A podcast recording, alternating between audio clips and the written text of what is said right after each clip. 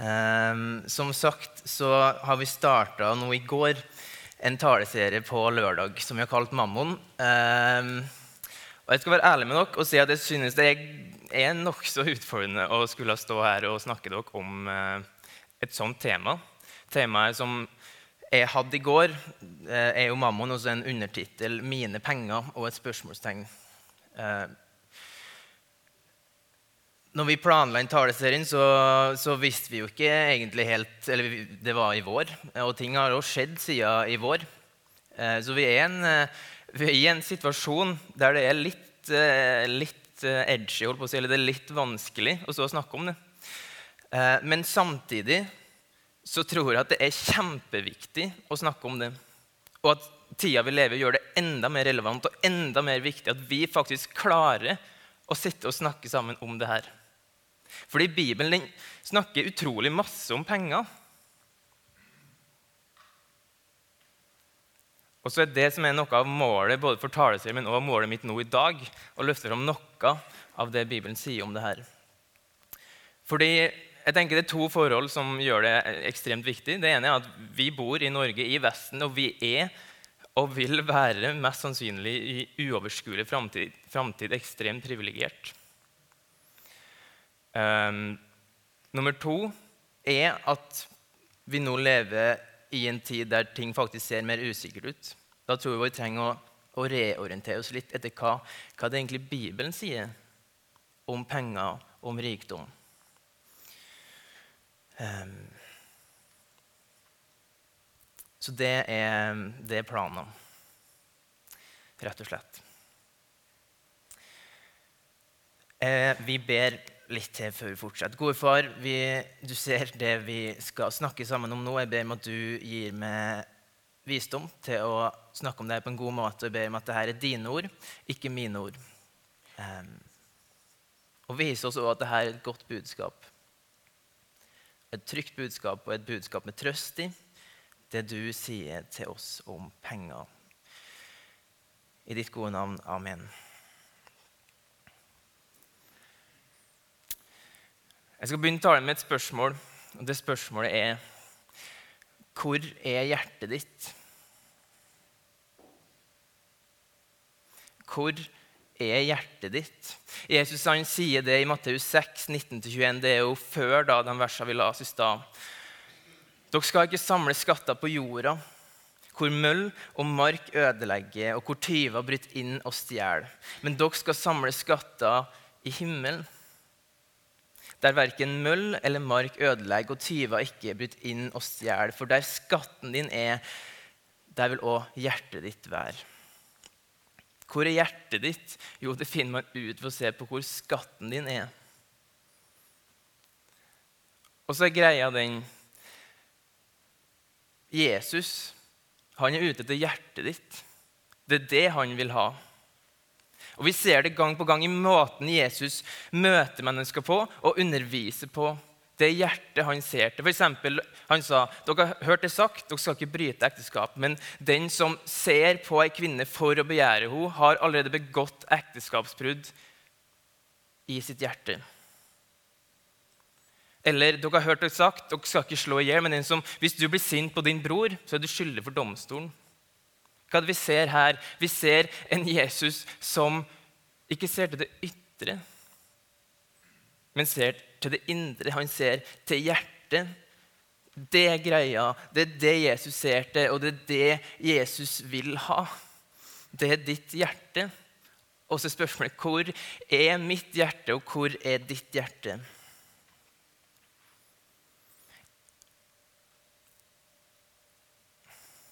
Og nettopp derfor tror jeg vi trenger å snakke om penger.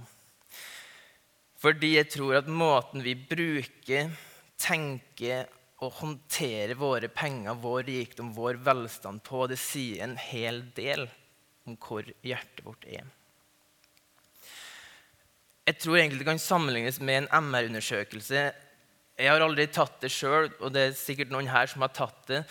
Kanskje en litt ubehagelig undersøkelse å ta men en utrolig viktig undersøkelse å ta for at man finner ut nærmest alt. Man finner ut hvordan er situasjonen. Og jeg tror det er litt sånn når vi prøver å speile oss og se hva er, hvor er egentlig, hvordan er mitt forhold til penger. Jeg tror det sier noe om hjertet vårt, tilstanden vår. Og det er det Jesus er ute etter. Ditt hjerte. Han er ikke ute etter dine penger. Og det er viktig meg å si at nå står jeg ikke her og taler for at jeg har lyst til å melke kollektkua så mye som mulig. Jeg håper dere skjønner det, for det er ikke derfor jeg snakker om det her, og det er ikke derfor jeg har en taleserie om det på lørdag. Det er fordi jeg tror det er viktig at vi snakker om penger fordi det sier noe om hvor hjertet vårt er. Hvordan ser et liv i etterfølgelse av Jesus ut, og når det gjelder penger? For, å, for, at vi skal klare å tenke rett om det, så tror jeg at vi, vi trenger å legge et, et fundament som, som, som, ligger der. Som vi har noe å gå ut ifra. Og det fundamentet, det er, eh, det er Gud. Det er Gud og hvem han er. I Kolosserne 1, vers 15-18 så står det slik om Gud, eller om Jesus. Han er den usynlige Guds bilde. Den førstefødte før alt det skapte. For i ham er alt blitt skapt, i himmelen og på jorda. Det synlige og det usynlige, troner og herskere, makter åndskrefter. Alt er skapt ved ham og til ham. Han er før alt, og i ham blir alt holdt sammen. Han er hodet for kroppen, som er kirka. Han er opphavet, den førstefødte fra de døde. Så han i ett og alt kan være den fremste. Så han i ett og alt kan være den fremste. Hva er, som, hva, hva er, det som, står her egentlig? Hva det betyr? Jo, vi har å gjøre med en Gud som er evig, allmektig, allvitende ufattelig stor, skaperen. Det vi ser rundt oss, det har en begynnelse. Gud har ikke en begynnelse. Før det her så var Gud. Og da, før begynnelsen, så fant Gud ut i sin perfekte enhet og kjærlighet at la oss skape. Og så talte Gud, og så skjedde det. Og Gud er så ufattelig stor at når han da talte, så starta det en bevegelse. En bevegelse så sterk at vi nå sitter i et univers som fortsatt ekspanderer rundt oss på alle retningene. Og hva vil det si for oss her, her, og nå i dag? Jo, det betyr at Gud har skapt oss, så han er grunnen til at vi sitter her, og han holder oss oppe. Han er den som forsørger oss. Vi er her i hans hånd. Helt avhengig av han.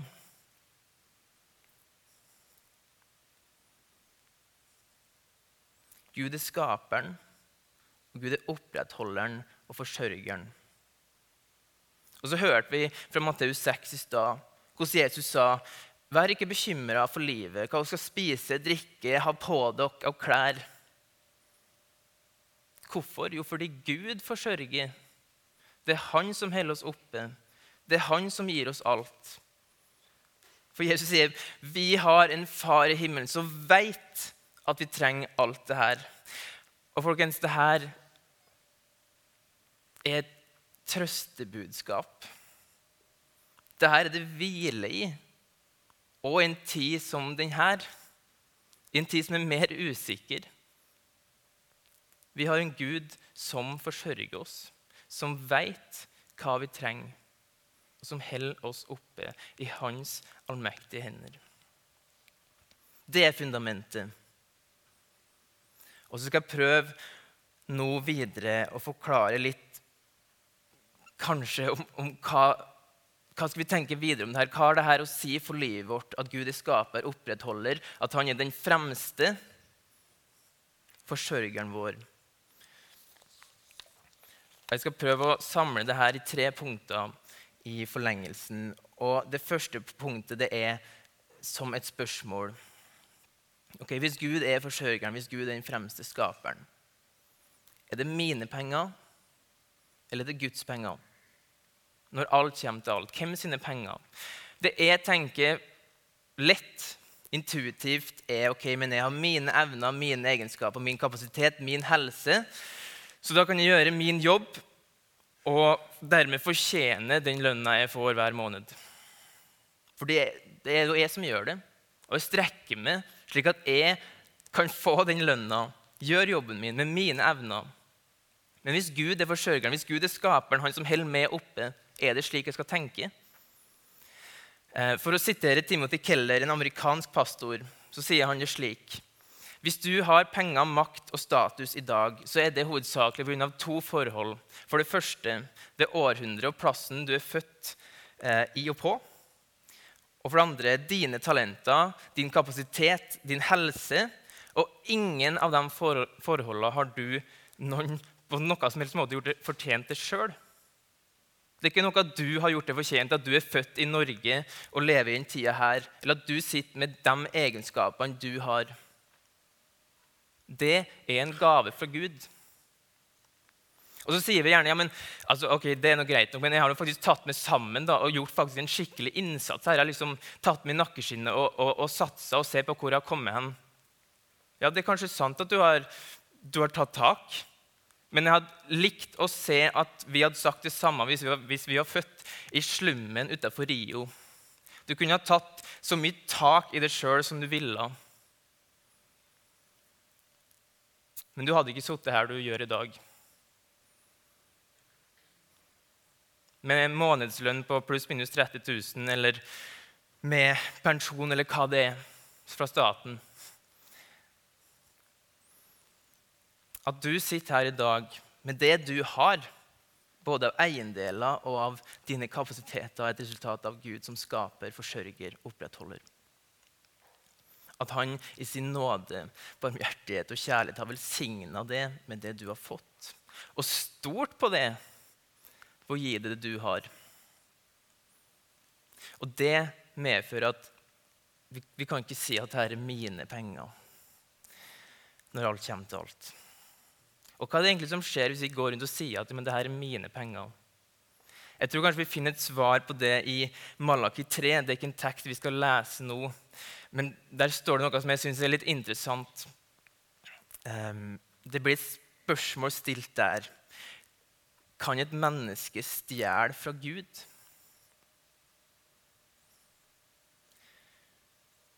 Og Svaret det er ja, fordi det er det folket gjør i den teksten. Og De gjør det ved å si at eh, Nei, Gud, eller det her, er, det her, det her er mine, eller våre penger, eller det her er mitt dyr. Eller ok, Gud, du kan, få, du kan få litt. Du kan få det her lammet som har tre øyne er blindt. Men resten skal jeg ha. Sant? Og så kommer Gud og sier, 'Dere stjeler fra meg.' For det er ikke deres. Jeg er grunnen til at dere har det her. Og så tror jeg det er det som skjer hvis vi går rundt og tenker at det her er mine penger, det her er mitt hus, det er min bil, min hytte. For dypest sett så er det, så er, så er det ikke det. Vi har det for at Gud i sin kjærlighet har beveget seg mot oss og betrodd oss, stort på oss, faktisk, når han har gitt det her til oss. Han har betrodd oss helt enormt masse. Helt enormt masse, og det fører meg til neste punkt. At vi er kalt til å forvalte det vi er betrodd av Gud, på en god måte, eller etter Guds vilje.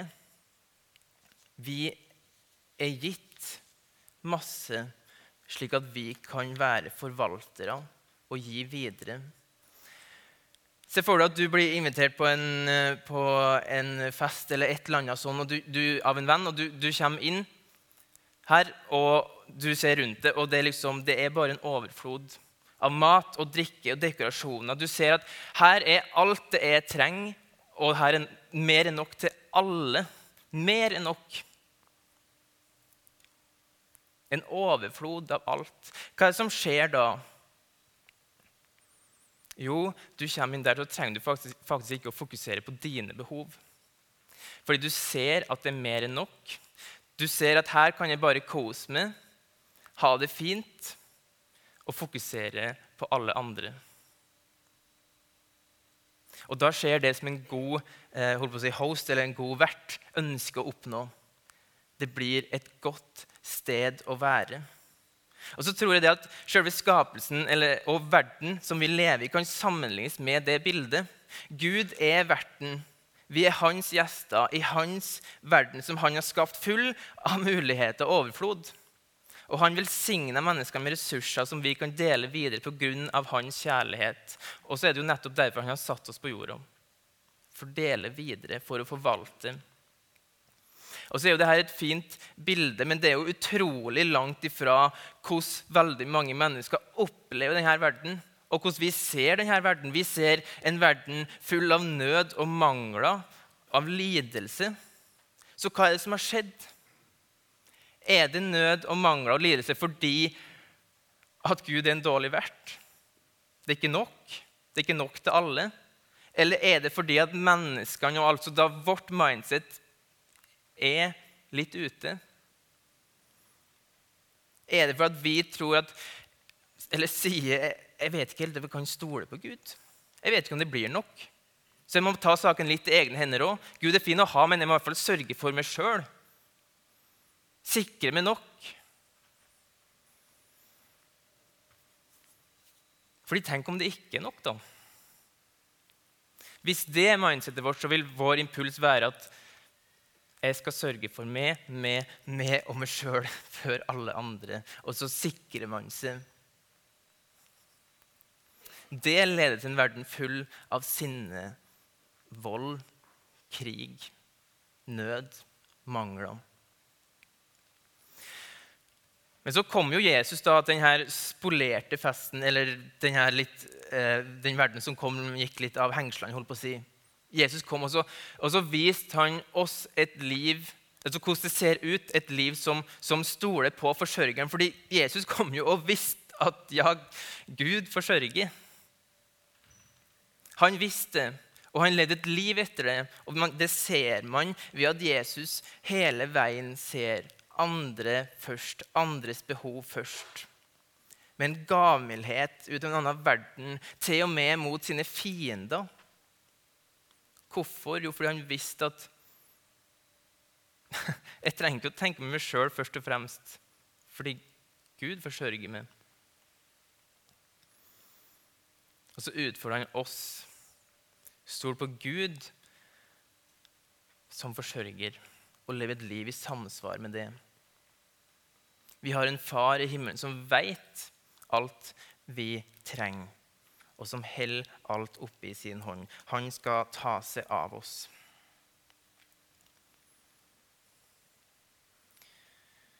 Et liv der vi får lov til å stole på forsørgeren. Det betyr ikke alltid et liv som, alt, som alltid er enkelt, men det betyr et liv der man er trygg og i de beste hender uansett hva som skjer. Det er det vi utfordrer til, å leve i den historien, den ekte festen, der Gud er verdt, og der vi får lov til å leve en historie der OK, Gud, du forsørger. Da kan vi få lov til å ha blikket utover, utover oss sjøl. Ikke på meg og mitt, men på andre, for å dele videre. Til slutt det siste punktet. Um,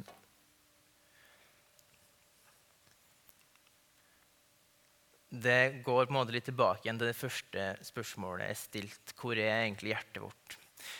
Og grunnen til at jeg tror at Det er viktig å stille når vi snakker om penger, er fordi at penger har makt. Vi tenker ofte at penger er en litt sånn nøytral greie. Men penger har makt. Og dermed er jo penger en slags trussel for oss, om du vil. Penger kan få makt over oss. Og jeg tror at altså, Tenk hva vi kan utrette med penger. Og jeg tror at vi nordmenn som faktisk har sitter ganske godt i det, har lett for å bli litt naiv her. For å bli med meg og tenke gjennom det her. Eh, for det første så tror jeg at eh, vi, vi tror at vi kan kontrollere verden med penger. Nå lever vi i en verden som ser mer kaotisk ut enn vi har gjort på veldig lenge. På en god del år.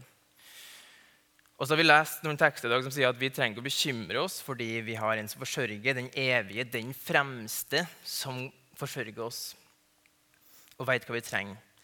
Men det er jo veldig digg da, å ha denne kjøpekrafta som gjør at man kan kjenne på litt makt og på en, på en frihet. Altså litt sånn Ok, nå går verden av hengsler, men jeg har penger, så da eh, men, men, jeg har penger. Verden er gal, men jeg har penger, og det, det føles ganske trygt og godt. Fordi altså, Hvis jeg har nok penger, så kan jeg skape min egen framtid. Da vet jeg hva jeg kan kjøpe. Jeg vet at jeg har nok penger. Jeg kan kjøpe hus, jeg kan få meg en god utdanning.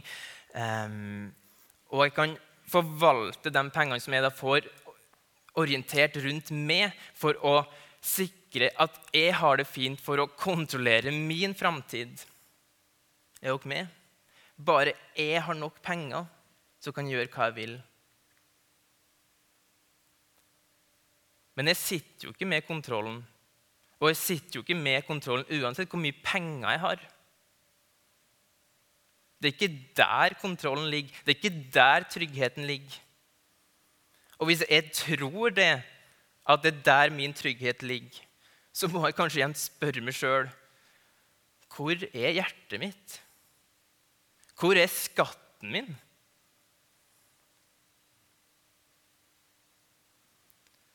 Det var det ene eksempelet på at penger har makt. Og det andre eksempelet det er at jeg tror at vi går og tenker at vi kan kjøpe oss bedre. Altså ah, Den følelsen folkens, av å kjøpe noe nytt hjelper meg. Det, er ikke mye som slår det. ass. Nå må dere ikke la meg bli hengende her alene og at det bare er som føler det slik, for jeg tror at alle her kjennes igjen. Den dagen man kjøper seg nye jeans og får lov til å gå i misjonssalen, men det, da er det ikke mye som slår det. altså. Da er liksom haka tre hakk høyere enn vanlig. Um, ja, jeg, jeg, tror, jeg, tror, dere kjenner dere igjen. Eh, kanskje ikke på jeans nødvendigvis, men eh, et eller annet. Ny telefon, ny bil, nytt hus, hytta. Det er så deilig. Og så varer det kanskje i ja, jeans to dager, hytte kanskje et halvt år. Jeg vet ikke. Og så, ja, så var den følelsen borte.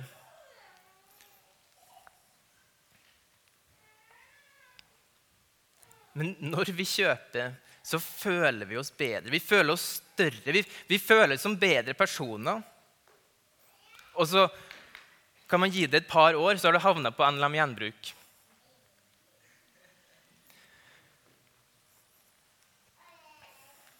Det er ting som gjør at vi føler oss bedre for en liten tid, men det forgår. Så sier Jesus, samle ikke skatter her på jorda. Og så sier Jesus, men er den evige, den fremste, den fullkomne. Få det her fra meg. Det eh, Få din storhet ifra meg, ikke fra ting som forgår. Samle skatten i himmelen. Vi tror vi trenger det og det og det for å, for å tilfredsstille et eller annet hull som vi har når den tilfredsstillelsen ligger i å søke Gud først. Jeg tror vi sier en løgn til oss sjøl gang på gang. For å bli lykkelig så trenger det eller det. Eller kanskje aller mest for å bli lykkelig så trenger jeg enda mer av det jeg allerede har. Enda mer, enda mer. Og så er det et evig kappløp. For det vil aldri bli nok helt til den dagen vi forstår og sier Jesus, det er du. Fordi Jesus er det her mer som du lengter etter, og Jesus er det her mer som du prøver å fylle når du kjøper den nye iPhone eller et eller annet. Nå satte ting veldig på spissen, fordi jeg sier ikke at det å kjøpe ting nødvendigvis er galt, og jeg håper dere skjønner det. Det er, det er faktisk sånn at vi skal få lov til å unne oss å gjøre prioriteringer og kjøpe ting. Eh, fordi vi er jo velsigna med masse. Det jeg sier, det er at vi, jeg tror vi trenger å spørre oss sjøl, stille oss sjøl et spørsmål. Kjøper jeg det huset, bilen, hytta, skjorta, jeansen, iPhone fordi at jeg trenger å føle meg bedre, jeg trenger å føle meg større? Eller kanskje for å kontrollere fremtida? Eller kjøpe det her kan jeg kjøpe det her med en takknemlighet til Gud som har gitt meg muligheten til å gjøre det. Det tror jeg er et viktig spørsmål å stille.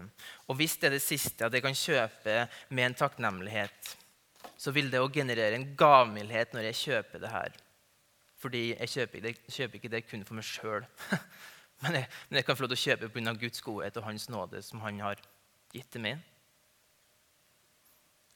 Da vil man òg dele det med andre, gi det videre, dele av Hans godhet, og sånn leve til Guds ære. Jesus hater ikke penger og rikdom. Det han gjør, det er at han advarer. Han advarer mot at hvis du og jeg gjør pengene til førsteprioritet, hvis jeg og du gjør pengene dine til Gud, da vil du komme i trøbbel. Og jeg vet ikke hva du tenkte når jeg sa at hvis vi gjør pengene våre til Gud hva, hva, Jeg vet ikke hva du tenkte da. Men hvis, eh, hvis du er litt som meg og tenkte at altså, kom an, eller hva mener du? Som i avgud, liksom? Eh, det var jo sånn de drev på med før i tida. Eh, I Gamle testamentet. Eh, vi veit bedre nå, liksom. Eh, vi går tross alt ikke rundt, eh, rundt en trepåle eller en gullkalv og tilber den. Vi vet bedre nå. Hvis du tenkte det, eh, så kan jeg få lov til å gratulere deg og si at du akkurat har bedrevet kronologisk snobberi som C.S. Lewis kaller det. For greia er at Vi vet jo faktisk ikke bedre nå. Det, det viser jo egentlig hele historien. Og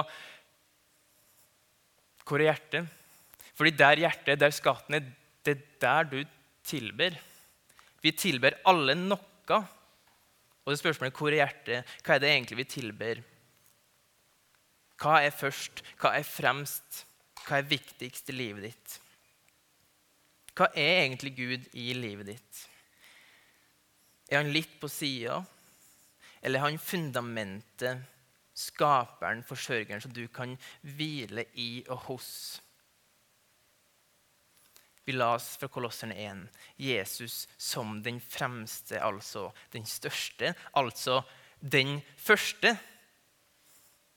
Jesus er den første. Han, han må være det. Han kan ikke være nummer to. Sorry.